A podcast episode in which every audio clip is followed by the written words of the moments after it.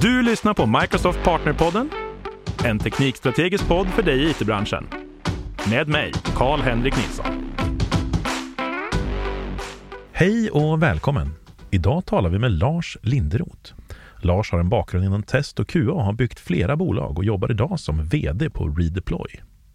Välkommen Lars! Tusen tack, kul att få vara med. Du, eh, en bakgrund inom test och QA. Hur hamnar man därifrån till VD på Redeploy? Ja, det är, en, det är en lång och brokig väg, höll jag på att säga. Nej, men för länge, länge sedan så började jag att koda C, C++, C-sharp i Microsoft-miljö faktiskt. Det som sen blev .NET, MFC-klasser för den som är gammal i gamet. Så byggde jag testautomationsverktyg. Kom in på testbanan, ville jobba som konsult, blev konsult på Capgemini. Jobbade med testautomation, testledning, massa sådana saker. Och varit intresserad av människor framför allt. Vi har jobbat mycket med väldigt kompetensintensiva eh, branscher. Liksom. Tittar vi på test så alltid brist på folk. Det är samma sak nu på Redeploy. Det är alltid brist på folk som kan det som vi vill göra. Liksom. Och då blir liksom det som driver mig och det som jag tycker är roligt, liksom, det är att jobba med, med att få folk att växa och trivas och växa inom sitt område. Så bygger man liksom organisationer där de som blir uppringda av eh, rekryterare en gång om dagen, de väljer att stanna. Mm. Um, det är en verklighet i, i alla de konsultorganisationer som jag har jobbat i de sista 15 åren typ. Ja, jag tycker det är lite intressant det där du nämner, just det här med människan och, och det här med att trivas i sin roll och hela vägen. Du har ju gått och, och blivit chef. Jag tror att när jag började i IT-branschen, då sa man liksom väldigt mycket att det var dit man skulle. Det var liksom på något sätt en, en del i karriärvägen för en tekniker. Mm. Ja, så är det ju. Om man tittar på liksom den klassiska vandringen, eller hur man nu ska uttrycka det, titta på hur det har sett ut rent klassiskt, så är det ju så liksom tekniker, tekniker med mer ansvar, teknisk projektledare, projektledare, gruppchef, sektionschef, eh, så liksom. Att liksom klättra i pyramiden, eller hur man nu ska uttrycka det. Och det ja. Man kan säga så här att om man nu ska prata om min erfarenhet av det där, för det är nog därför jag är här, tänkte jag. när jag var liten, jag hade inte ens börjat jobba, alltså när jag var, jag var barn, då var min mamma liksom så här, ah, men hon pratade om jobbet, no, jag minns det så väl, att hon sa liksom, men, men så har de gjort det där dumma igen. Liksom. De har tagit en bra säljare och gjort till chef. Mm. Um, och det där är ju klassiskt liksom. Uh, Nej men absolut, jag känner igen det där så väl. Och det tänkte jag, pyramiden du beskrev. Mm. Ja men det är en bra tekniker, så blir en tekniker med mer ansvar, fortfarande bra. Och sen blir den befordrad till en halvbra projektledare. Som sen blir befordrad till en inte jättebra chef då har man ju tappat allt det där som personen dels brann för och det den var bra på. Mm. Och det blir ju så när man försöker liksom malla in roller, det vill säga människor, i vissa fack. Liksom. Så att liksom, det här är karriärvägen, för det är i princip det vi säger. Då tar man ju liksom det som man är bra på i grunden och tänker att är man bra på det, då är man väl bra på det där andra. Eller då borde man väl liksom flyttas uppåt och få andra att bli bra på samma sak. Och bara för att man är bra på en sak behöver absolut inte betyda att du är bra på att få andra med dig. Liksom. Utan det här är ju urklassiskt, liksom, att man tittar på fel saker när man tillsätter chefer för att man vill, man vill uppmuntra någon som gör bra ifrån sig genom att tilldela den personen en position. Mm. Och det blir fel. Ja. Alltså så här, jag tror många vill ibland ta nya roller. Jag har träffat många utvecklare som har blivit fantastiska projektledare till exempel, eller fantastiska chefer för den delen. Så att jag ska inte säga att det aldrig hände, utan det hände ju hela tiden. För att man ville det, för att man ville ta det ansvaret och man var, man hade de färdigheterna också. Man måste kanske tänka efter själv lite vart man vill, men det är också svårt att få med organisationen på det, för det, är så, det känns stort, brett, eller vad säger du? Mm. Jo, men eh, hela tiden så man, behöver man liksom eh, balansera vad organisationen har för behov och vad individerna som jobbar i organisationen har för behov och talanger. Liksom. Det kan bli liksom problematiskt om man sitter i en situation som vd och så behöver man tillsätta en gruppchef eller två gruppchefer eller tre gruppchefer, whatever. Och så tittar man på sin personal och så är det så här, ja men det kanske finns någon som har det där mänskliga i sig, bryr sig om, tar hand om, är bra på att delegera kanske. Men det kan ju vara en person som kanske inte är den som presterar bäst. Liksom. Så, så fort man gör om den här personalledande rollen till en form av beröm eller liksom en, en så här, att det är så att säga det finaste. Mm. Då börjar man gå bort sig. Liksom. Det är lite som om alla i en orkester skulle liksom vilja bli dirigenter. det funkar ju liksom inte. Det sitter alla och pekar. Utan det måste ju vara den som har liksom ett sinne för musiken, som vet när han med violinen ska spela och när blåset ska komma in. Liksom. Det måste ju vara den personen, han eller hon ska jag säga, som tar den rollen. Ja, det där är ju väldigt vettiga tankar tycker jag. Alltså liksom att man på något sätt sätter dem, inte ett eh, större än mindre än tecken, utan verkligen ett lika med tecken. Men vi behöver de här rollerna i den här organisationen. Men de har alla ett värde. Mm. Sen har ju vi, i alla fall i Sverige, varit ganska duktiga, får vi väl erkänna, på att eh, ekonomiskt belöna de som tar personalansvar.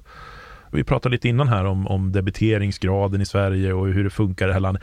Det är väldigt svårt också om du har en konsult som debiterar 970 kronor i timmen, jobbar 40 timmar i veckan. Det finns ju en matematisk punkt där någonstans, där det blir bara krångligt. Mm.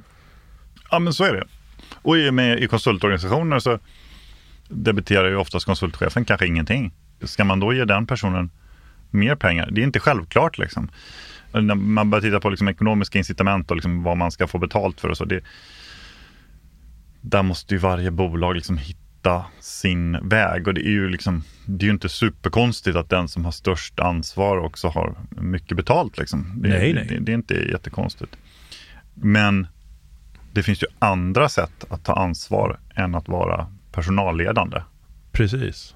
Då kan man ju liksom titta på vad vill personer göra i mitt ledarskap? Jag tycker det är fånigt att prata om ledarskap ibland för att jag upplever mig mer som en coach eller ivrig påhejare från sidan. Så. Men, men det som jag liksom tycker är viktigt det är att eh, se vad varje person kan och vill göra. Vad är personen bra på? Vill personen fortsätta att göra det som den är bra på? Eller vill man växa åt något annat håll? Vill man lära sig något nytt? Man måste liksom balansera alla de här eh, grejerna. Och så, så, när man tittar på tekniska, om man vill kalla det tekniska karriärvägar, så tror jag det är väldigt klokt att det slutgiltiga målet kanske inte ska vara att personalleda många människor. Liksom. jag vet så många som men jag är så rädd att tappa greppet om koden och jag, de älskar ju verkligen det här också mm. och då, då borde de väl få fortsätta med det kan jag tycka. Och jag tycker väldigt mycket om, som in, inom Microsoft så finns det något som heter mentorskapsprogram som jag tycker väldigt mycket om. Där du, om du har en person som vill bli bättre på någonting, då parar du ihop den med någon som är bra på det. Och sen så hjälper den här personen som är bra den här personen att växa i, inom den grejen. Det är ju ett väldigt bra sätt för, tycker jag, då. Det, det är ett sätt som fungerar för mig ska jag säga. Mm. För liksom att kunna ta till mig nya färdigheter men också kunna dela med mig av mina färdigheter och då också då påvisa naturligtvis ett större värde för min organisation. Jag gillar verkligen den typen av system. Mm. Ja, och det påminner mycket om, om hur vi jobbar eh, på Redeploy också. För vi håller oss ganska långt borta från titlar oftast. Och vi försöker liksom se till att, att de som är duktiga på någonting får jobba tillsammans med någon som är duktig på något annat. Så att man lär sig hela tiden. Man lär sig mycket på att lära upp någon annan. Och kan man liksom korsdra det så att du lär mig någonting och jag lär dig någonting så, så blir det liksom väldigt värdeskapande. Och samtidigt så är jag liksom noga med att om jag ska ge en person personalansvar, mm. då ska den personen verkligen vilja det och verkligen vara intresserad av det och, och verkligen tycka att det här låter som en spännande utmaning. Liksom. Jag tror det är väldigt viktigt att man tycker om det uh, genuint, ja. inte bara för att det är en statusgrej så att säga. Nej, men jag är hundra procent med det där. Jag har själv haft en, en roll som jag hade lite personalansvar. Mm. Jag är nog inte den person som tycker att det där är jättekul. Jag, jag upplevde det som ja, jag upplevde det som fruktansvärt till slut. För att det, det var så många människor som hade behovet av en stark och trygg chef som kunde hjälpa dem liksom i, i, i mycket. Och jag kunde inte leverera det är tungt. Det har verkligen fått mig att omvärdera och inse tror jag att jag ska inte vara, jag ska inte vara chef. uh, för det är så viktigt och jag förstår verkligen det, liksom, att just att kunna vara den där mänskliga för mig i alla fall så tror jag det blir väldigt viktigt för folk. Sen finns det säkert de som skiter totalt i vad deras chef säger och gör. ja, jo, det, men så är det väl. Alltså, det är ju inte alla, så att säga, om man uttrycker så här, det måste ju finnas en match mellan chef och medarbetare. Liksom. På något vis så måste det finnas en, en ömsesidig respekt och sådär för att det ska funka. Och olika människor funkar, alltså man funkar inte med alla människor. Så, så, är det ju liksom. Och då behöver man ju liksom hantera det liksom. Alltså vad händer om, om det skär sig med chefen liksom? Ja. Eh, då måste man ju liksom hitta sätt att lösa det där på. Men det är intressant det du säger kring liksom det här med ja, men, du vart liksom stressad och tyckte att det var liksom jobbigt att ja, vara personalledare på det här viset. Man vill ju ändå, alltså det är inte så att jag är psykopat, jag vill ju människor väl, men jag har inte verktygen att kunna leverera till de här människorna Nej. det de behöver. Och jag har själv alltid varit väldigt självgående och jag förstod nog aldrig hur mycket verktyg som krävs för att vissa människor ska må bra. Mm. Ja, nej, alltså jag har varit personalledande nu, jag vet inte hur länge, men rätt länge, liksom 10-12 år kanske. Och vad som helst kan ju hända. Man blir förvånad över vad som kan ske, vilka ärenden som medarbetare kan liksom öppna sig med. Och det kan ju vara allting i, i livet. Liksom. Så, så, att man måste nog, alltså för att vara en bra chef så måste man nog vara rätt genuint intresserad av människor och, mm. och vilka problem man kan ställas inför. Liksom undrar om det liksom också hjälper till att ha varit med om lite mer grejer i livet. Alltså så att man ändå har lite i bagaget och lite, ja, det där vet jag är jobbigt. Jag vet inte. Ja, jo, det beror kanske på. Jag vet inte, men jag kan ju prata för mig själv. För jag, jag har liksom Ja, men jag har varit med om många saker som många liksom går igenom. Så, ja, men liksom förlora någon som är nära, gå igenom skilsmässa. Alltså sådana här saker som är hyfsat stora. Mm. Uh, och det gör ju att uh, det är lättare att stötta en människa genom en sån resa. Och kanske bara för att den som sitter mitt emot vet om att jag har gjort det. Liksom. Mm. Så det, det tror jag är en viktig grej. Men för att spinna tillbaka till, du tyckte att det var jobbigt att vara personalledande. Jag har haft precis samma upplevelse fast med källkod i C++. Men så här, när jag, så här, jag ställs inför problem som jag känner att jag kan liksom inte lösa det här problemet och jag vet inte vad jag ska göra. Liksom. Det finns en deadline där borta, koden bygger inte, alla wiki-sidorna är slut, jag vet inte vad jag ska ta vägen. Liksom. Jag tror en situation som påminner ganska mycket om det som du beskriver, fast för mig var det då liksom teknik. Fast jag upplevde att jag kan de här grejerna så jag ja. borde fatta, jag borde kunna lösa det. Så bara det går inte.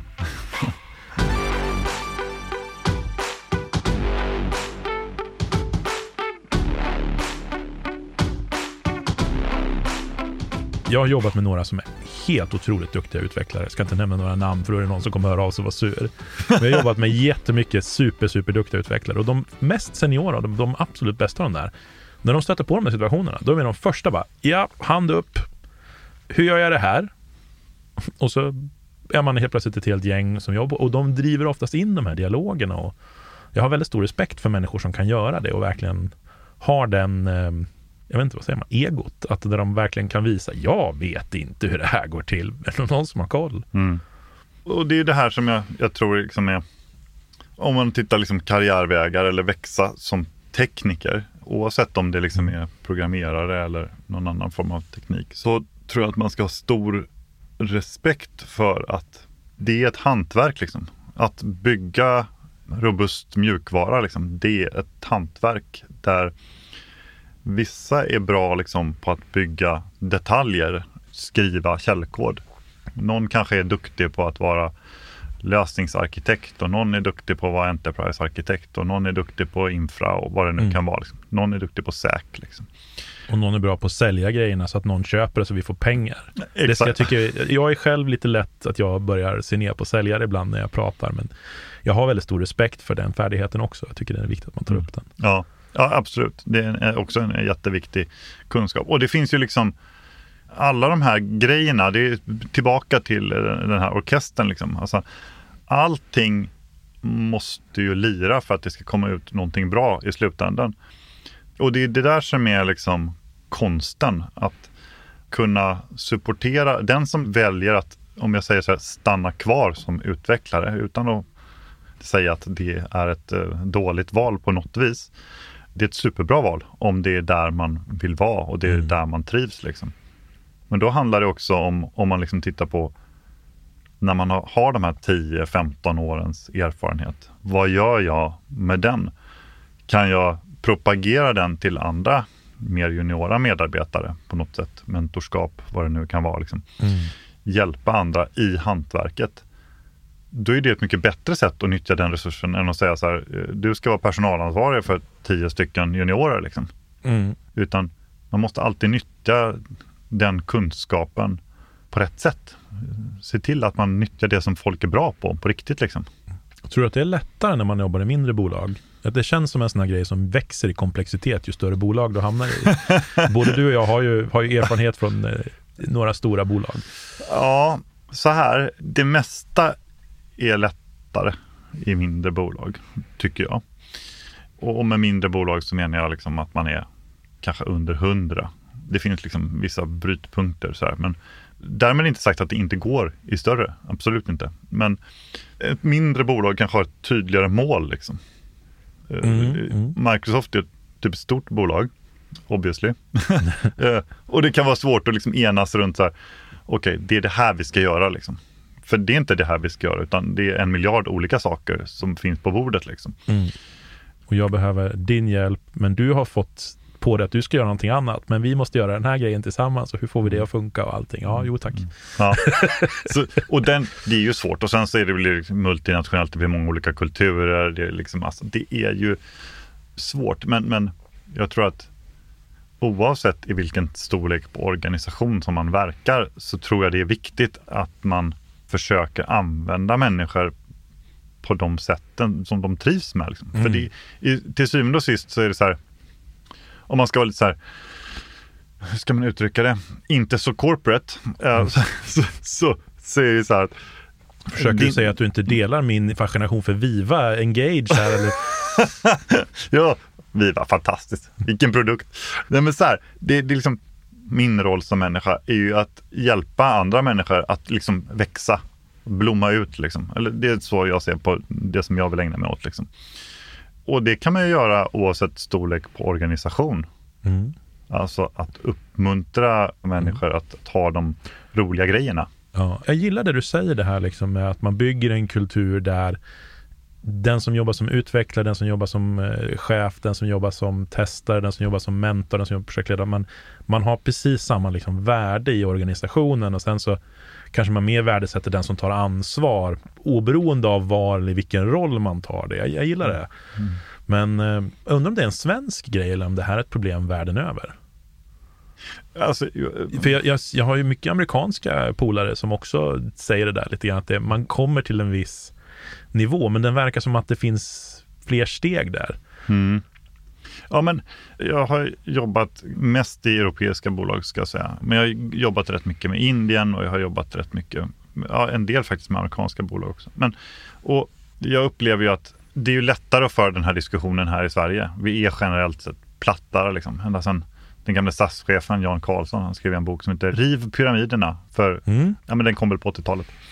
I stort förordar en plattare organisation. Liksom. Och vi är ju mycket mindre hierarkiska här. det räcker ju att man åker till Tyskland eller liksom så, så blir det mycket mer hierarki. Så det är klart att den här, det finns nog mer inbyggt generellt sett utomlands att man ska uppåt i organisationen. För i min verklighet så spelar inte det någon roll egentligen. Man är ju där man är och ja. man får jobba med det man har. Liksom. Så att jag tror att se till att bidra till att folk utvecklas i den riktningen mm. som de själva vill. Ja. Vad tror du också om att bredda människor? För jag, jag, upplever att många av dem jag pratar med, de vill vara superexperter på en grej. Och sen så ruttnar de på det. För att det försvann eller det är inte lika hett längre eller det är inte lika... Och jag känner så här, en grej som har varit verkligen räddningen för mig och oftast det som jag har blivit lyckligast av att jobba med har ju varit min jag jobbar ju väldigt, väldigt mycket på Microsoft med DevOps, med liksom att hjälpa företag att bygga grejer snabbare, få det att bli mer kvalitativt eller whatever. De delarna. Och jag har visserligen 20 års bakgrund som programmerare, men den grejen har oftast varit det som har gett mig mest glädje. Och jag undrar om inte det, även om folk behåller liksom det de gör day to day, men att kunna bredda dem. Om du får hålla på med lite containers eller Kubernetes eller lite DevOps eller lite Q&A och lite test eller mm. jag tror just det här, att du får ett till ben att stå på. Du får också hålla på med machine learning om du vill. Liksom. Då får man ju människor som man bygger deras CV, de får bättre möjligheter, det finns kanske någonting som också kan vara en eld, jag vet inte. Mm. Jag tror mycket på det där just att Ja, alltså de allra flesta vill ju liksom inte, om man började med att koda USB-drivare i Windows, vilket var en av de första sakerna som jag gjorde när jag började jobba. Jävla spännande grej att göra förut, men i alla fall. Om man... Fortfarande PTSD efter virtuella HID-identiteter. det, var, det var aldrig så mycket blue screen of death som på den tiden kan man säga. För det är liksom, man bara skrev över hipen och så var det liksom kört. Men i alla fall, om man tänker liksom att det är få människor som vill vara i en sån trång folla liksom, under lång, lång tid. Även fall det finns dem och då är han liksom tillbaka till människors intresse. Men, men jag tror precis som du säger att om man liksom tittar på att bredda sig. Det är bra att ha djup på något eller ett par ställen, men ju mer man förstår av vad andra gör, desto lättare är det att bringa värde med den expertis man har. I min värld så är det liksom en naturlig, så att säga, kanske inte ska kalla det karriärväg, men liksom en kompetensbreddning. Alltså att man petar lite på folk. Så här. Ska du inte prova den här grejen? Eller ska du verkligen hålla på med den här kunden i två år till? Utan du kanske ska ta ett kliv åt sidan. Liksom. Ehm, det är ett, mm. ett fantastiskt sätt att, att, växa. Om man, är man tekniskt intresserad så liksom, det är klart att har man aldrig nosat på Kubernetes och så får man göra det, så är, mm. är ju det liksom kul. Men jag tror du tog upp en väldigt, väldigt viktig grej där faktiskt för att få människor att växa och må bra. Och det är nog att man får variera vad för del av organisationen man levererar på. Du, du kommer ju från konsultvärlden och du levererar i konsultvärlden så du säger mm. byta kund och det är ju i konsultvärlden är det det. Men jag tänker i ett teknikbolag överlag att man kanske jobbar i olika team, i olika projekt, att man bidrar på olika ställen. Så att man inte sitter på samma sak år ut och år in. Det tror jag inte är bra för en organisation heller, för då får man människor som blir lite grann, vad säger man, att kulturen sitter i väggarna, om man ska säga. Ja, men så är det ju såklart. Det krävs ett visst mod i en organisation för att göra det där. Det har jag upplevt många gånger när jag varit ute hos kunder där man har jobbat med lite äldre system, och man har en hyfsat stor teknisk skuld. Det kan vara storbanker, det kan vara större offentlig förvaltning till exempel. Och då finns det oftast liksom en eller två personer som liksom kan det där systemet jag har till och med suttit i projekt liksom att det var de två personerna som kunde systemet. De har gått i pension. Vi ska modernisera det här. Vi får liksom kalla in folk från pensionen mm. och eh, köpa in dem som konsulter. För det är ingen som vet vad de håller på med, liksom, eller hur systemet funkar. Det är ju enkelt ur ett ledarskapsperspektiv liksom, att låta dem där hålla på med sina grejer. Det funkar ju och de fixar alla problem för de kan det där systemet utan och innan. Men man får ett superberoende, man får en inte alls lika dynamisk arbete. Liksom på det stora hela så förlorar man på det. När man tar den konsulten och flyttar därifrån till dit. Liksom. Eller om man liksom tar en systemspecialist och säger nu ska inte du jobba med det systemet utan med ett annat system istället. På kort sikt så blir det ju liksom en, ja, så förlorar man produktivitet. Men på lång sikt så bygger man ju en mycket stabilare och, liksom, organisation. Liksom. Mm. Ja, det är kloka ord. Men om vi ska titta lite, vad är det vi säger egentligen om att vi tycker här? En grej som jag reagerade på tidigt att vi sa, det var ju så bli chef om du vill bli chef, eller bli det du vill bli. Va? Mm. Sen var det väl egentligen ett råd till chefer kanske, att bygg platta organisationer, eller bygg kulturer där alla har ett likartat värde. Mm. Eller kulturer som värderar ansvar kanske vi sa. Mm, ja, man kan ju läsa, det finns väl tusen memes där det står eh, att kulturen äter strategin till frukost och sådär va. Mm. um, och, och, det är ju eh, kanske visa ord, men, men för mig så är det liksom att bygga en företagskultur eller en gruppkultur om man är på ett stort bolag, liksom, där man hela tiden förstärker varandras värde och är väldigt, väldigt aktiv kring att liksom den som gör den här saken gör den här saken för de är bra på det och liksom, att man värderar varandra eh, lika högt. Det tror jag är superviktigt. Man vill inte ha liksom, att det finns någon position som är finare och de andra inte lika fina. Liksom. Alltså inte ens implicit ska det vara så, även om det inte är på pappret eller i lönekuvertet. Utan det ska vara så här, Nej, men hon som jobbar med den tekniska detaljen och han som jobbar i, i liksom med sälj, ja, de är lika viktiga för oss. Liksom. Mm. Och därmed inte sagt att liksom, alla ska ha lika mycket lön och alla ska ha, liksom, allting ska vara exakt likadant. Nej, så är det inte. Det måste fortfarande finnas en individualitet. För att Alltså det får inte bli en grå massa liksom, när alla gör samma sak, för då blir alla lika lite värda. Alla ska vara lika mycket värda. Liksom. Det ska spraka, det ska liksom inte vara dött. Ja, Men jag tror också på det här just att hitta, rollerna är lika mycket värda och sen hittar man individuella egenskaper som gör att man värderas olika i så fall. Mm.